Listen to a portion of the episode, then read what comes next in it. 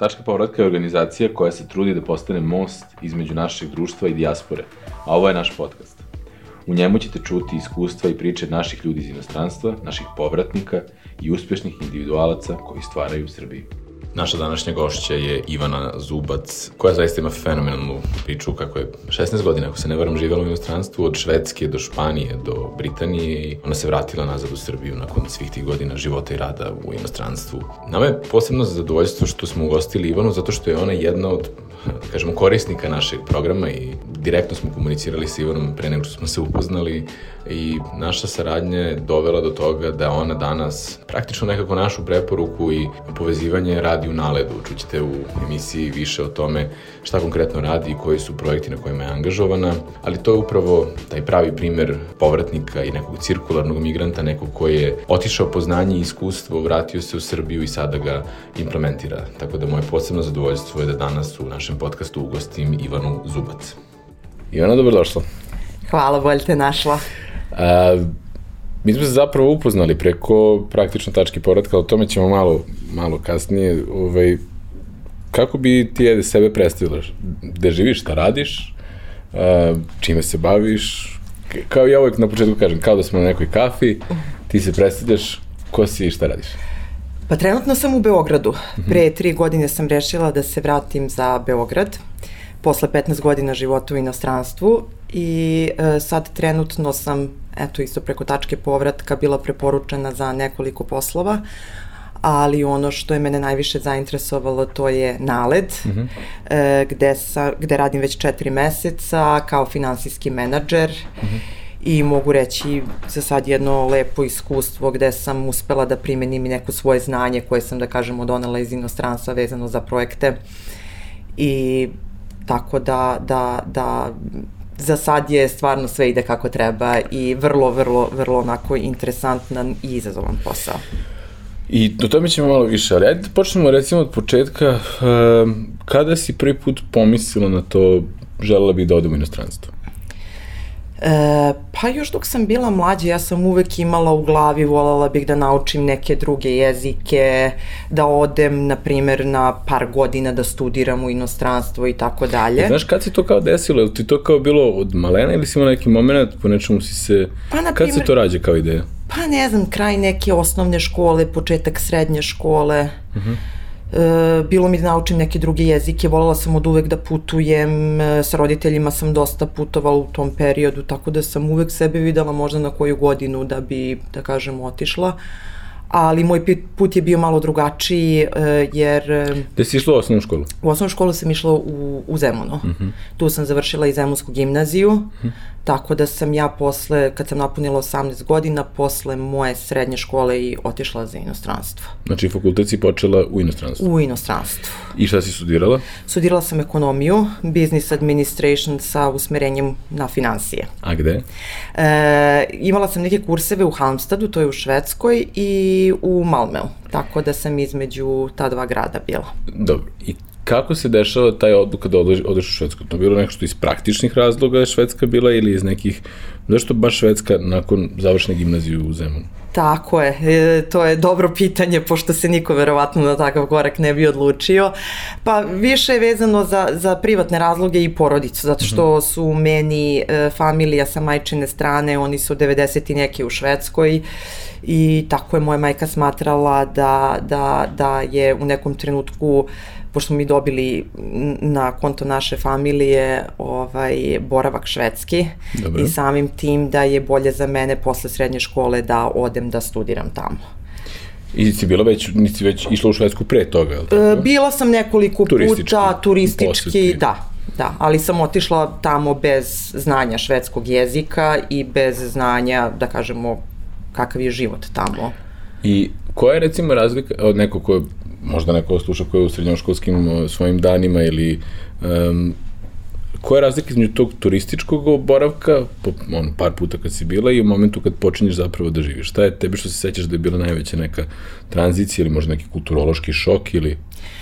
Pa da kažemo, kulturološki šok je bio najviše, pošto sam život tamo, e, da kažemo, nemate neke spontanosti na koju smo mi ovde navikli, nema toliko da kažemo druženja, ja na fakultetu jesam imala ovaj, e, jako divnu ekipu i ljudi s kojima sam i dan danas u kontaktu, ali potpuno je kulturološki sve različito. Potpuno je sve nekako mora unapred da se planira, nema te spontanosti nekog života. Ja ovde kroz srednju školu sam navikla ajde da završimo školu pa idemo negde, vamo, tamo, ali tamo to toga nema. To je meni specifično za, no, za nordijski narod. Ja sećam jednom, ja imam, bio sam sa jednom devojkom koja je imala um, svoju sestru koja je žila u Kopenhagenu i zavodio se s Norvežanom.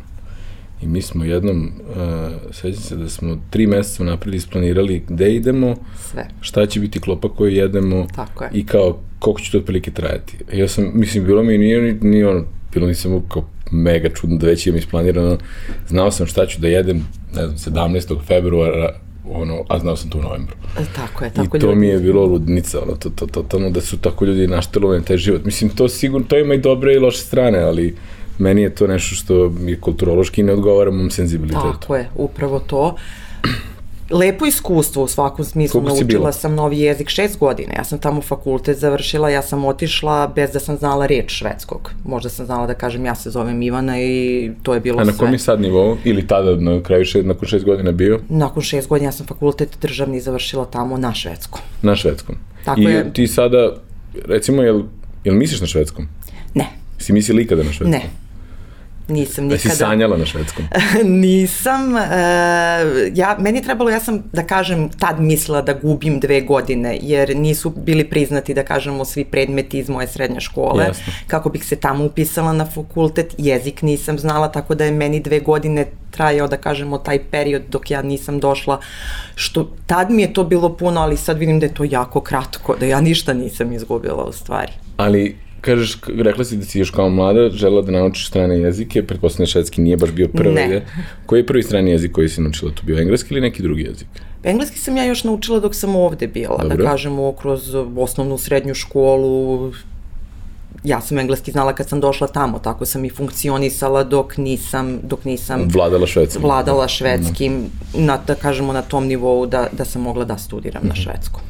I, uh, znači, engleski je bio prvi, švedski drugi strani jezik. Tako je. I koliko ti vremena trebalo da obvladaš švedski? Pa sve zajedno Da budeš ono kao- dve godine da sam ono sigurna i da mogu da kažemo knjige sa fakulteta da učim na švedskom i nikad nisam razmišljala, ali knjige su mi bile na švedskom za fakultet, tako da sam tako da sam mogla da funkcionišem. Znači, dve godine učenja jezika, tako, Tako je. i onda fakultet, završavaš fakultet, e, to je, znači, ekonomiju si studirala, šta je dalji korak u tom životu? Dalji korak je bio da sam ja upisala master i da sam bila na jednoj, na, da sam bila na praksi u PwC koji su bili raspoloženi da mi daju stalni posao. Pošto moram to da spomenem da je taj moment, da kažemo, fakulteta i školovanja dosta drugačiji, dosta drugačiji način, da kažemo, učenja svega nego kod nas. Kako? Jer svaki ispit ima i praksu. Znači ja za svaki ispit, na primjer ako sam radila marketing, možda sam u IKEA imala dva, tri meseca praksu, Ta- tako da sam ja paralelno i učila i sticala neko praktično znanje. To, to, to je ako rekao dualno obrazovanje praktično na neki način. Apsolutno, što je, što je dobro, mislim, jer ja kad sam izašla iz fakulteta, ja se nisam osjećala onaj moment kad prvi put kreneš da radiš, pa nemaš pojma šta te snašlo, nego sam sve to, da kažemo, nekako kroz tu praksu videla kako funkcioniše u bankama, u firmama i tako A kad je ta dalje. praksa? Je ona tokom godine ili ona tako u određenim periodima? Paralelno kad se radi, kad se uči za ispit, paralelno idu prakse i onda se, onda Znači se... ti bi recimo od februara do, na primjer, maja pripremala ispiti za, što si rekla, marketinga i radila u marketing Na departmanu i neke IKEA Tako je. kao neki tamo asistent. Da, da, ali Tako to je. nije, nije, nije full time posao, Da. Nego prosto se pisao jedan deo, radilo se, im- imali smo usmeni ispita, imali smo i to što smo praktično naučili kako bi primenili da imamo neki problem vezano za, za ovaj, I konkretno koje tu su ta recimo neka iskustva koja su tebi ostala kao e, na, najpozitivnije ili najupečetljivije, možda su i negativna, ali uh, iz tog kao šta si ti na tim nekim praksama naučila da je tebi bilo kao aha, ovo mi je sad kad pomisliš, to je već bilo pre ne znam koliko par godina, pa kao šta ti je ostalo tako urezano? Pa ostalo mi je urezano da kad sam zaista krenula da radim, dobila svoj prvi posao, da to nije bilo nešto što je, da me iznenadilo. Obično, na primjer, neki moji prijatelji koji su možda ovde završili fakultete kad su došli, oni nisu imali pojma šta treba da rade. A ja sam tokom tih praksi naučila kako funkcionišu firme, šta se očekuje od mene, šta treba da znam i tako dalje. Jasno. Tako da mi je to dosta pomoglo, da kažem, da se uhodam kad sam krenula da radim. I dobro, znači četiri godine na, nakon fakulteta, znači sve ukupno šest godina, šta se onda dešava u tom životu? Dešava da, se, da sam ja dobila, uh, da su mi ponudili posao u PwC i da sam ja uzela nekoliko ispita uh, da bih radila master. I ostao mi je još master jedan... isto u Švedskoj ili? Da, i ostao mi je još je, taj jedan poslednji, da kažemo, ispit, plus taj master rad koji bi me vezivao šest meseci za Švedsku, ali ja sam baš bila umorna, jer su, imala sam neka predavanja i na engleskom i na švedskom, pa između tih svih rečnika, moje razmišljanje što smo spomenuli je na srpskom, mm -hmm. baš sam bila umorna u nekom periodu i rešila sam da uzmem neka tri meseca i da odem negde da učim jezik malo da se opustim od svega toga, ideja je bila da se posle toga vratim, ali da znači, ne idem... idem... da, da, da se odmoriš od učenja, ti si odlučila da ješ tri meseca da učiš. E, tako je, ali jezik, da, da kažemo. Uzela sam intenzivni kurs španskog jezika u Barceloni.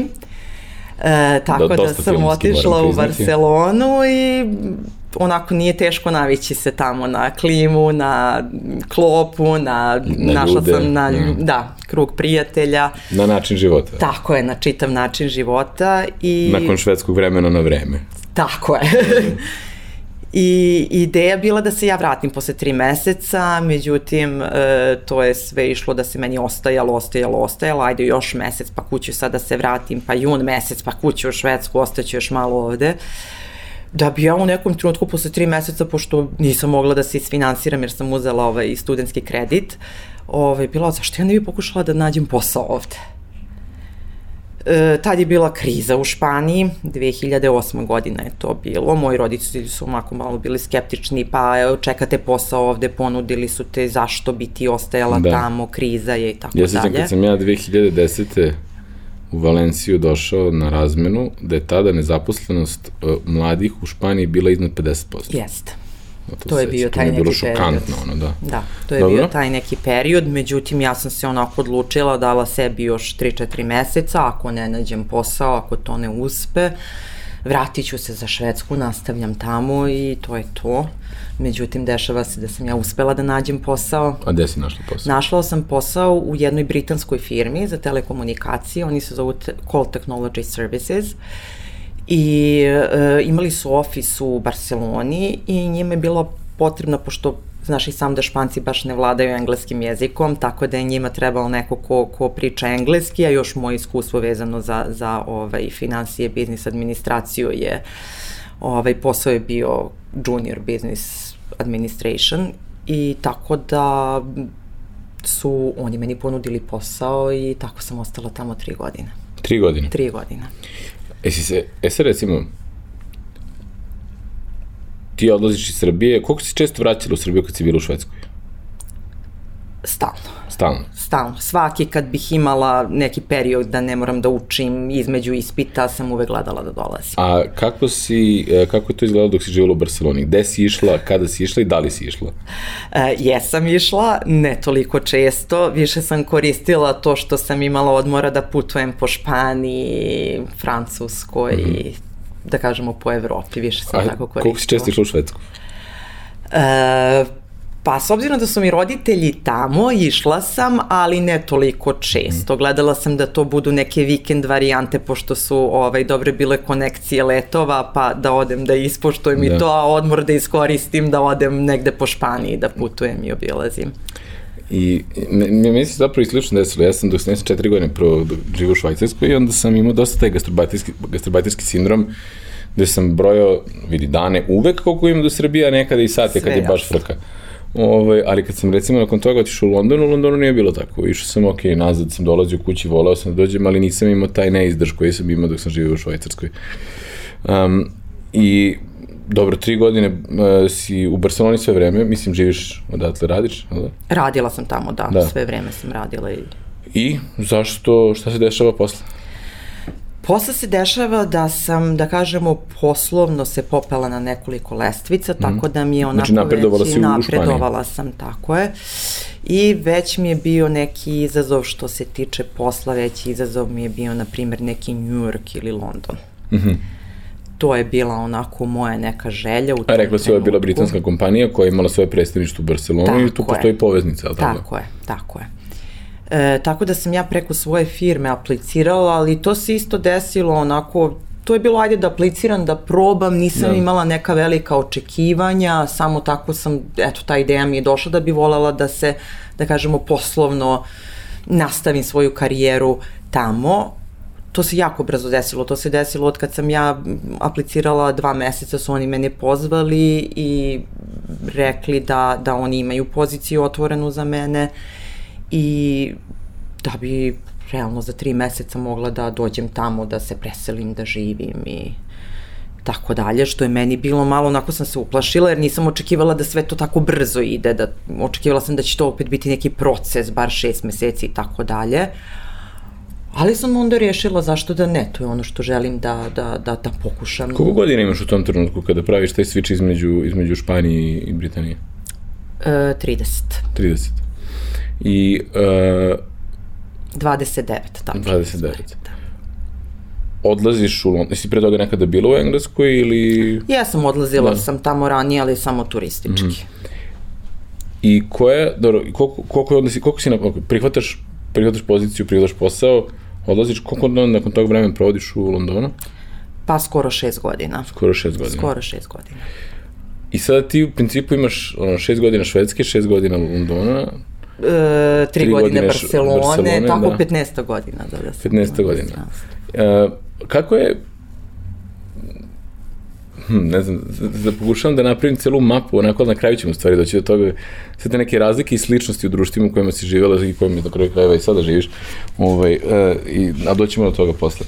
Nego, ajmo da vidimo taj, kako se razlikovao posao, mislim, praktično se radila u istoj firmi, u ist, na istoj poziciji, mislim, na istim pozicijama, to je isti posao, ali na drugom nivou senioriteta. Uh, kako je, koja je razlika između rada u Barceloni i rada u, u Londonu? Pa velika je razlika i mnogo mi je drago da sam otišla za Englesku i da sam stekla neko takvo iskustvo. Na mnogom ne, većem nivou je biznis tamo da kažemo.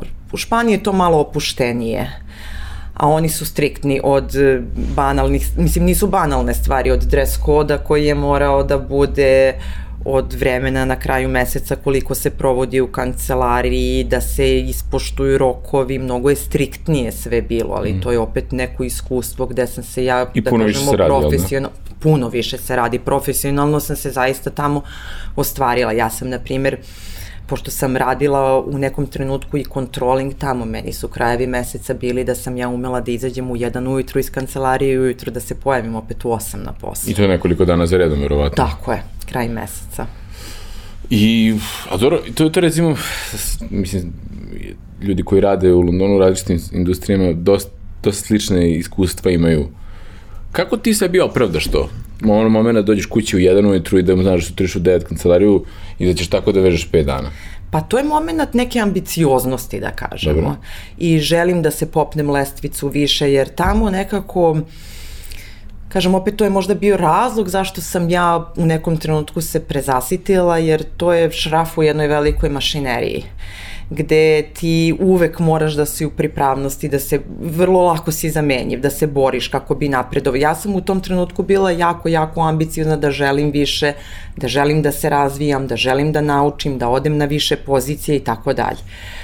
Ovaj, tako da time sam pravdala. Da. Volela sam posao, želela sam više da učim, uh, želela sam širu sliku da kažemo firme da, da imam, da vidim kako to sve funkcioniše, tako da, da kažemo time sam sebi pravdala. Da.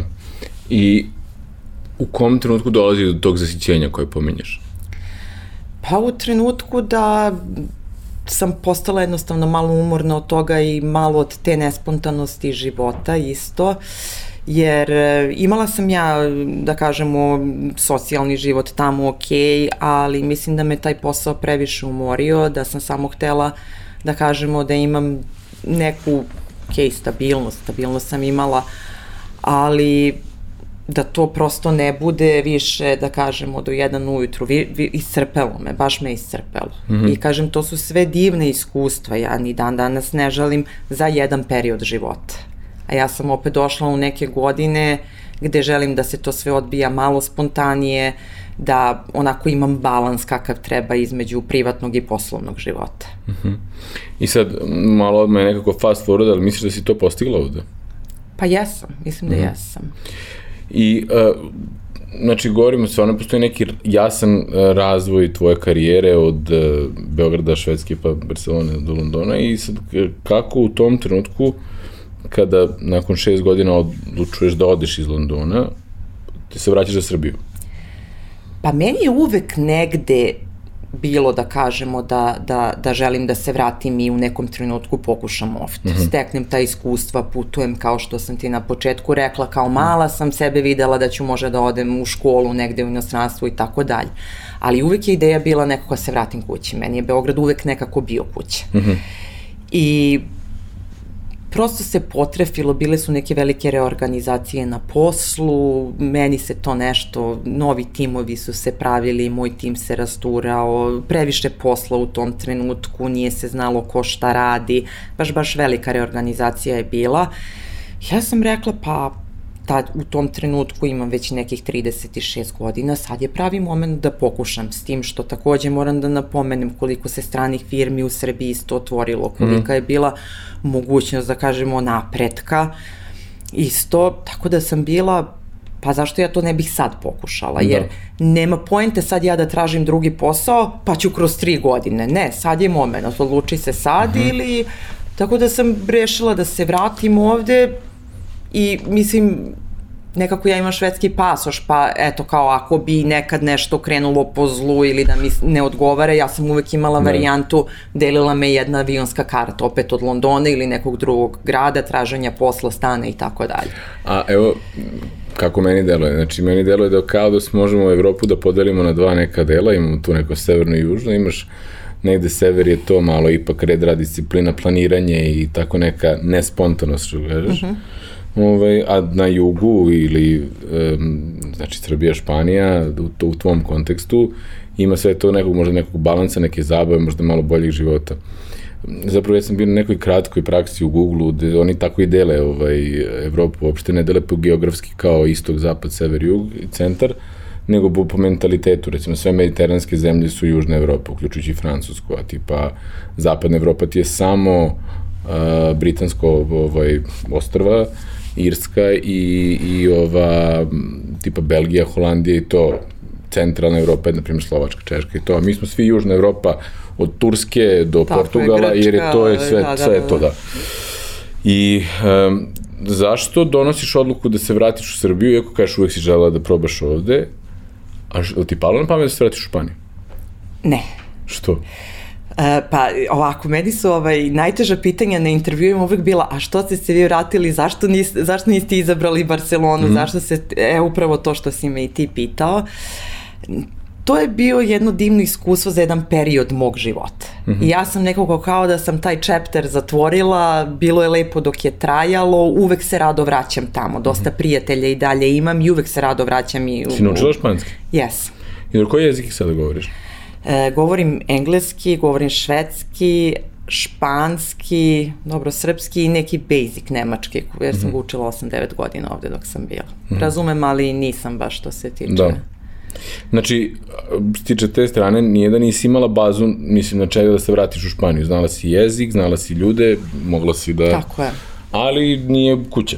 Nije, nije. Da. Prosto to je bio jedan period, jedno predivno iskustvo, kažem, uvek ću se rado vraćati tamo i vraćam se, ali nekako sam zatvorila taj deo.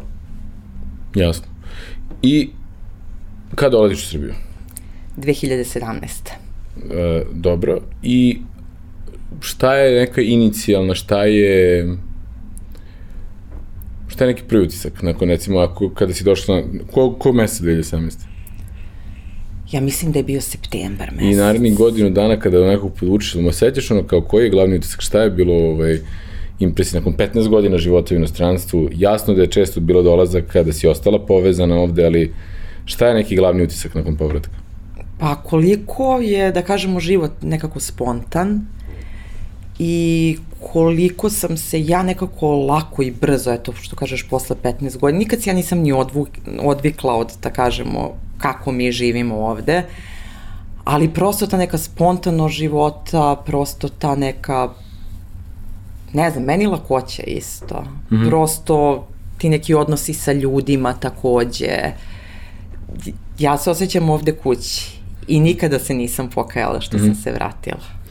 I uh, kada uporediš recimo šta, šta je ono što ti recimo ovde sada znači imaš već nekoliko godina ponovo nazad iskustva da si stvarno ovde ukorenjen u potpunosti, šta ti nedostaje iz svih tih zemalja? Recimo, ajde možda da, pošto obzirom imaš tako primjer, šta ti nedostaje iz Švedske, šta ti nedostaje iz Londona, šta ti nedostaje iz Španije? pa da kažemo ovako, iz Španije mi nedostaje ta, da kažemo, opuštenost da odem posle posla na plažu i da mi ne bude ceo dan kao da si samo radio, da kažemo, to, to mi nedostaje. Plaža, more. Iz Engleske nedostaju mi dosta, ja sam i volontirala u Tate Modernu, mm -hmm. ti neki eventovi, da kažemo, galerije, to se sve dešava u Beogradu, to je sve krenulo i ovde zaista može da se ode i da se vidi, ali opet London je na jednom zavidnom nivou i nekako i kad si sam, nikad nisi sam, uvek imaš šta da radiš, predstave, mjuzikli i tako dalje. Mhm. Taj, recimo, možda mi deo nedostaje. I Švedske, pa ne znam, ne nedostaje mi puno. Dobro, dobro, to je, to je validan odgovor. O, a da li si imala, opet nakon, kažeš, najveći kulturološki šok ti je bilo u, u Švedskoj to planiranje i to, i kažeš, lako si se prilagodila nazad u povratku u Srbiju, ali bilo neki kulturološki šok, nešto što si se desilo što nisi očekivala, na primjer? E, bilo je administracija, na primjer, na koju sam navikla u Švedskoj, da kažemo, Dobre. gde je sve to, to je malo onako bilo izazovno vaditi papire, ne znam, prebacivati osiguranja i tako dalje. Taj moment mi je, da kažemo, malo bio. Mm -hmm. Pa ne mogu da kažem šok, znam kako funkcioniše, ali eto, dosta stvari se i tu negde isto promenilo. Mm -hmm. I dobro, uh, ajde sad da se vratim u kao relativno skoru prošlost ili realno, sadašnju, ovaj, uh, šta trenutno radiš, šta su projekti koje, znači imamo sad, malo si prezentovali svoje nekako šire iskustvo, um, šta je ono čemu trenutno radiš? E, trenutno radim, ja prvo kad sam se vratila ovde, ja sam radila na jednom projektu Svetske banke i Ministarstva zdravlja, mm -hmm. reforma finansiranja zdravstva, gde sam, da kažemo, dosta, to je meni nekako i bila neka ideja, da radim u nekoj instituciji, organizaciji gde mogu da, da iskoristim to neko znanje, što kažemo, koje sam pokupila iz inostranstva, koje bi mogla da primenim ovde i da kažemo da poboljšamo nešto. Yes. I to, to, to zaista jeste bilo na tom projektu Ministarstva zdravlja.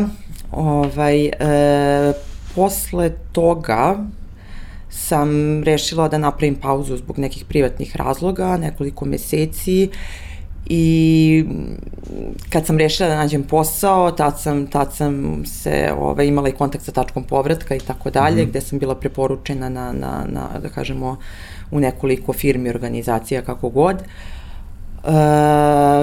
gde su me za nalet zvali, to što je meni bilo mm -hmm. iskreno najinteresantnije, jer opet se radi o nekim projektima, opet se radi u nekim izmenama, izazovima, e, poboljšanja, da kažemo, ekonomskog Pošto, razvoja. Naled, manje više ti ja znamo, mislim znamo, već veliki broj ljudi zna šta je naled, ali možda objasniš šta je to čime se naled bavi? E, to su, da kažemo, to su donacije, da kažemo, grantovi, tenderi, mm.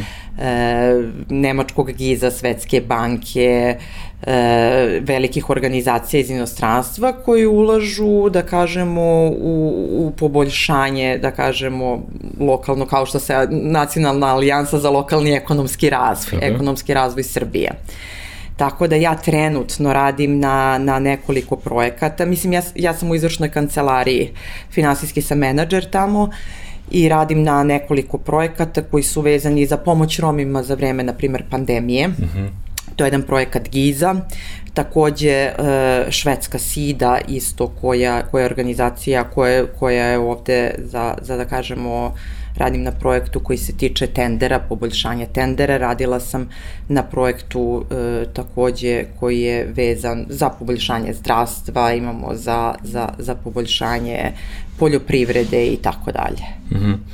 I... Ali najaktualniji mi je trenutno projekat sa Romima. -hmm.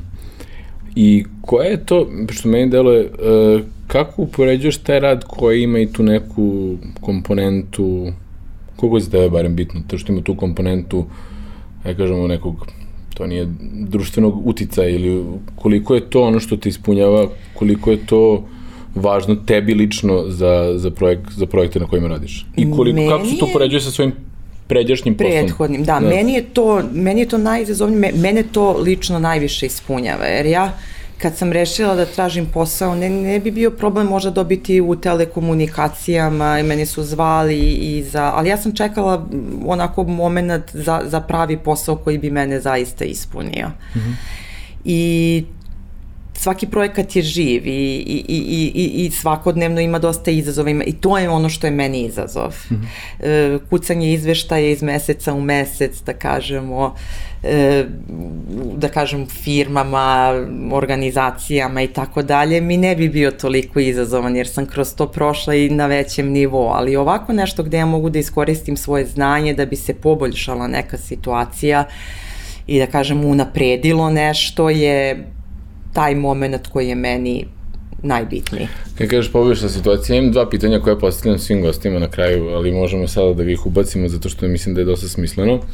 Jedno je kao neko ko ima, tako kažem, široko iskustvo, da imaš magični štapić u kojem možeš da napraviš jednu promenu u društvu i da imaš onda da za 24 sata svi u tom društvu, u ovom našem društvu to prihvate kao potpuno normalnu stvar, koja bi to ta jedna promena bila koja bi jedna promena... Koju ti može da, znači, svima bukvalno samo ubaciš jednu ideju u glavu i to sad svi prihvate kao nova normalnost u celom društvu. Šta je to što bi izmenilo? E, sad teško pitanje, mislim, šta bih izmenila? Izmenila Jedna stvar, mnogo... može da bude od najsitnije do neke najkrupnije sistemske stvari, ali ono što ti prvo pada Volala na pamet... bih da ljudi gledaju otvorenije na promene. Dobro. Da budu više otvoreni za promene. Jer gde god sam ja do sad ovde radila, ljudi posle 20 godina iskustva u jednoj organizaciji nisu toliko, da kažemo, otvoreni za neke nove stvari, na novi mhm. način gledanja na stvari, iz druge perspektive gledanja na stvari, nego se drže baš tih starih nekih matrica. Mm -hmm. Eto, to je jedna stvar koja bi, eto, bila da bih volala da, da, da ljudi više budu malo open-minded i, i, i više za promene nekako spremni. Jasno. Drugo pitanje koje pitam je koju knjigu si najviše puta poklonila nekome? E, najviše puta koju sam poklonila nekome, u stvari imam dve knjige. Dobro, Svakom detetu, koje, da kažemo, od neke čim krene da čita od prijatelja, deci i tako dalje. To je riznica Jovana Jovanovića Zmaja, jer mislim da je to nešto što svako dete mora da pročita, ale je lepo ovaj svet i mm -hmm. tako dalje. Svi, svi je verovatno imamo. A druga koju ja, da kažem, preporučujem prijateljima ili kupujem je Majstor i Margarita od Bulgakova. Jasno, jasno. Um, I sada kad nekako prošli smo celo to putovanje od Zemuna do svuda negde pa nazad do ode u Beograd, razmišljaš li ponovo od odlasku? Ne. Svo posle sigurno da ode da, to. Da, da, mislim da je ovo čvrsto onako bilo ne. Da. Meni je i na svim intervjuima koje sam imala za poslove uh, pa niste sigurni, pa putovali ste tamo, da. vamo, vi se niste zadržavali, avanturistički duh, ali ja sam sad u nekim godinama gde sam sebe pronašla, neku svoju stabilnost i mislim da, ne mislim, nego je sigurno odgovor ne. Super, mislim, kao neko ko vodi program Tački povratka, drago mi to da, ovaj, da čujem da je ovaj neki povratak, ovaj, e, da kažemo, definitivno i stabilan, iako stvarno mi bavimo se promocijom toga da je potpuno ok, da se odlazi, da se vraća i da se jednostavno to znanje, znanje širi. Ništa, hvala ti stvarno što si izvojila i svoje vreme i podelila svoju neku ličnu priču i ono je, um, sve priče koje mi ovdje imamo su specifične, ali nekako u njima se pronađu neki ljudi. Ja sam imao jednu zanimljivu situaciju, relativno skoro prvi put bi se to desilo, ovaj, da me neko na ulici, mislim imamo podcast, imamo trenutno 900 subscribera, vrlo je ništa ovaj, tema, i, ali mislim da ljudima može da, da stvarno može da znači. I imao sam situaciju u kojoj sam išao ulicom nešto na dve, dve, dve ulice od kuće i mlad neki par, sad neko dvoje dece, su ono kao stari, kao, jesi ti ono nešto vodi podcast sa povratnicima? ja ono u fazoru, je, jesam. Yes. I kao imao sam tako tu situaciju, tako bilo mi užasno simpatično to, ovaj, ali kao super su priče, samo nastavi tako nešto, vrlo je, ne, ne, nešto su malo ispričali na ulici, ali uh, ono što znam iz poruka koje dobijamo, da neki ljudi se pronađu u nekim razgovorima potpuno ovaj, mogu da, da kasnije napravi neke odluke. Odnosno toga, tako da je tvoja priča znači baš zato što je tako ima tu kompleksnost da si prošla nekako više etapa i došla do neke sada, ono, do, do ove realizacije u kojoj se sada. Tako da stvarno hvala ti na vremenu što si posvetila um, i želim ti puno, puno uspeha u poslu koji radiš. Drago mi je da smo mogli da budemo to vezivno tkivo u nekom trenutku, da povežemo sa organizaciju koja je potreba, kad, bio potreban kadar kao ti i tebi koja si sada došla do nečega gde se osjećaš, koliko sam razumeo, ispunjeno i, i zadovoljno na poslu koji radiš. Tako da, To e, hvala je... i vama za, za to što, da kažem, što ste bili vezivno tkivo mm. i što sam sad tu gde jesam.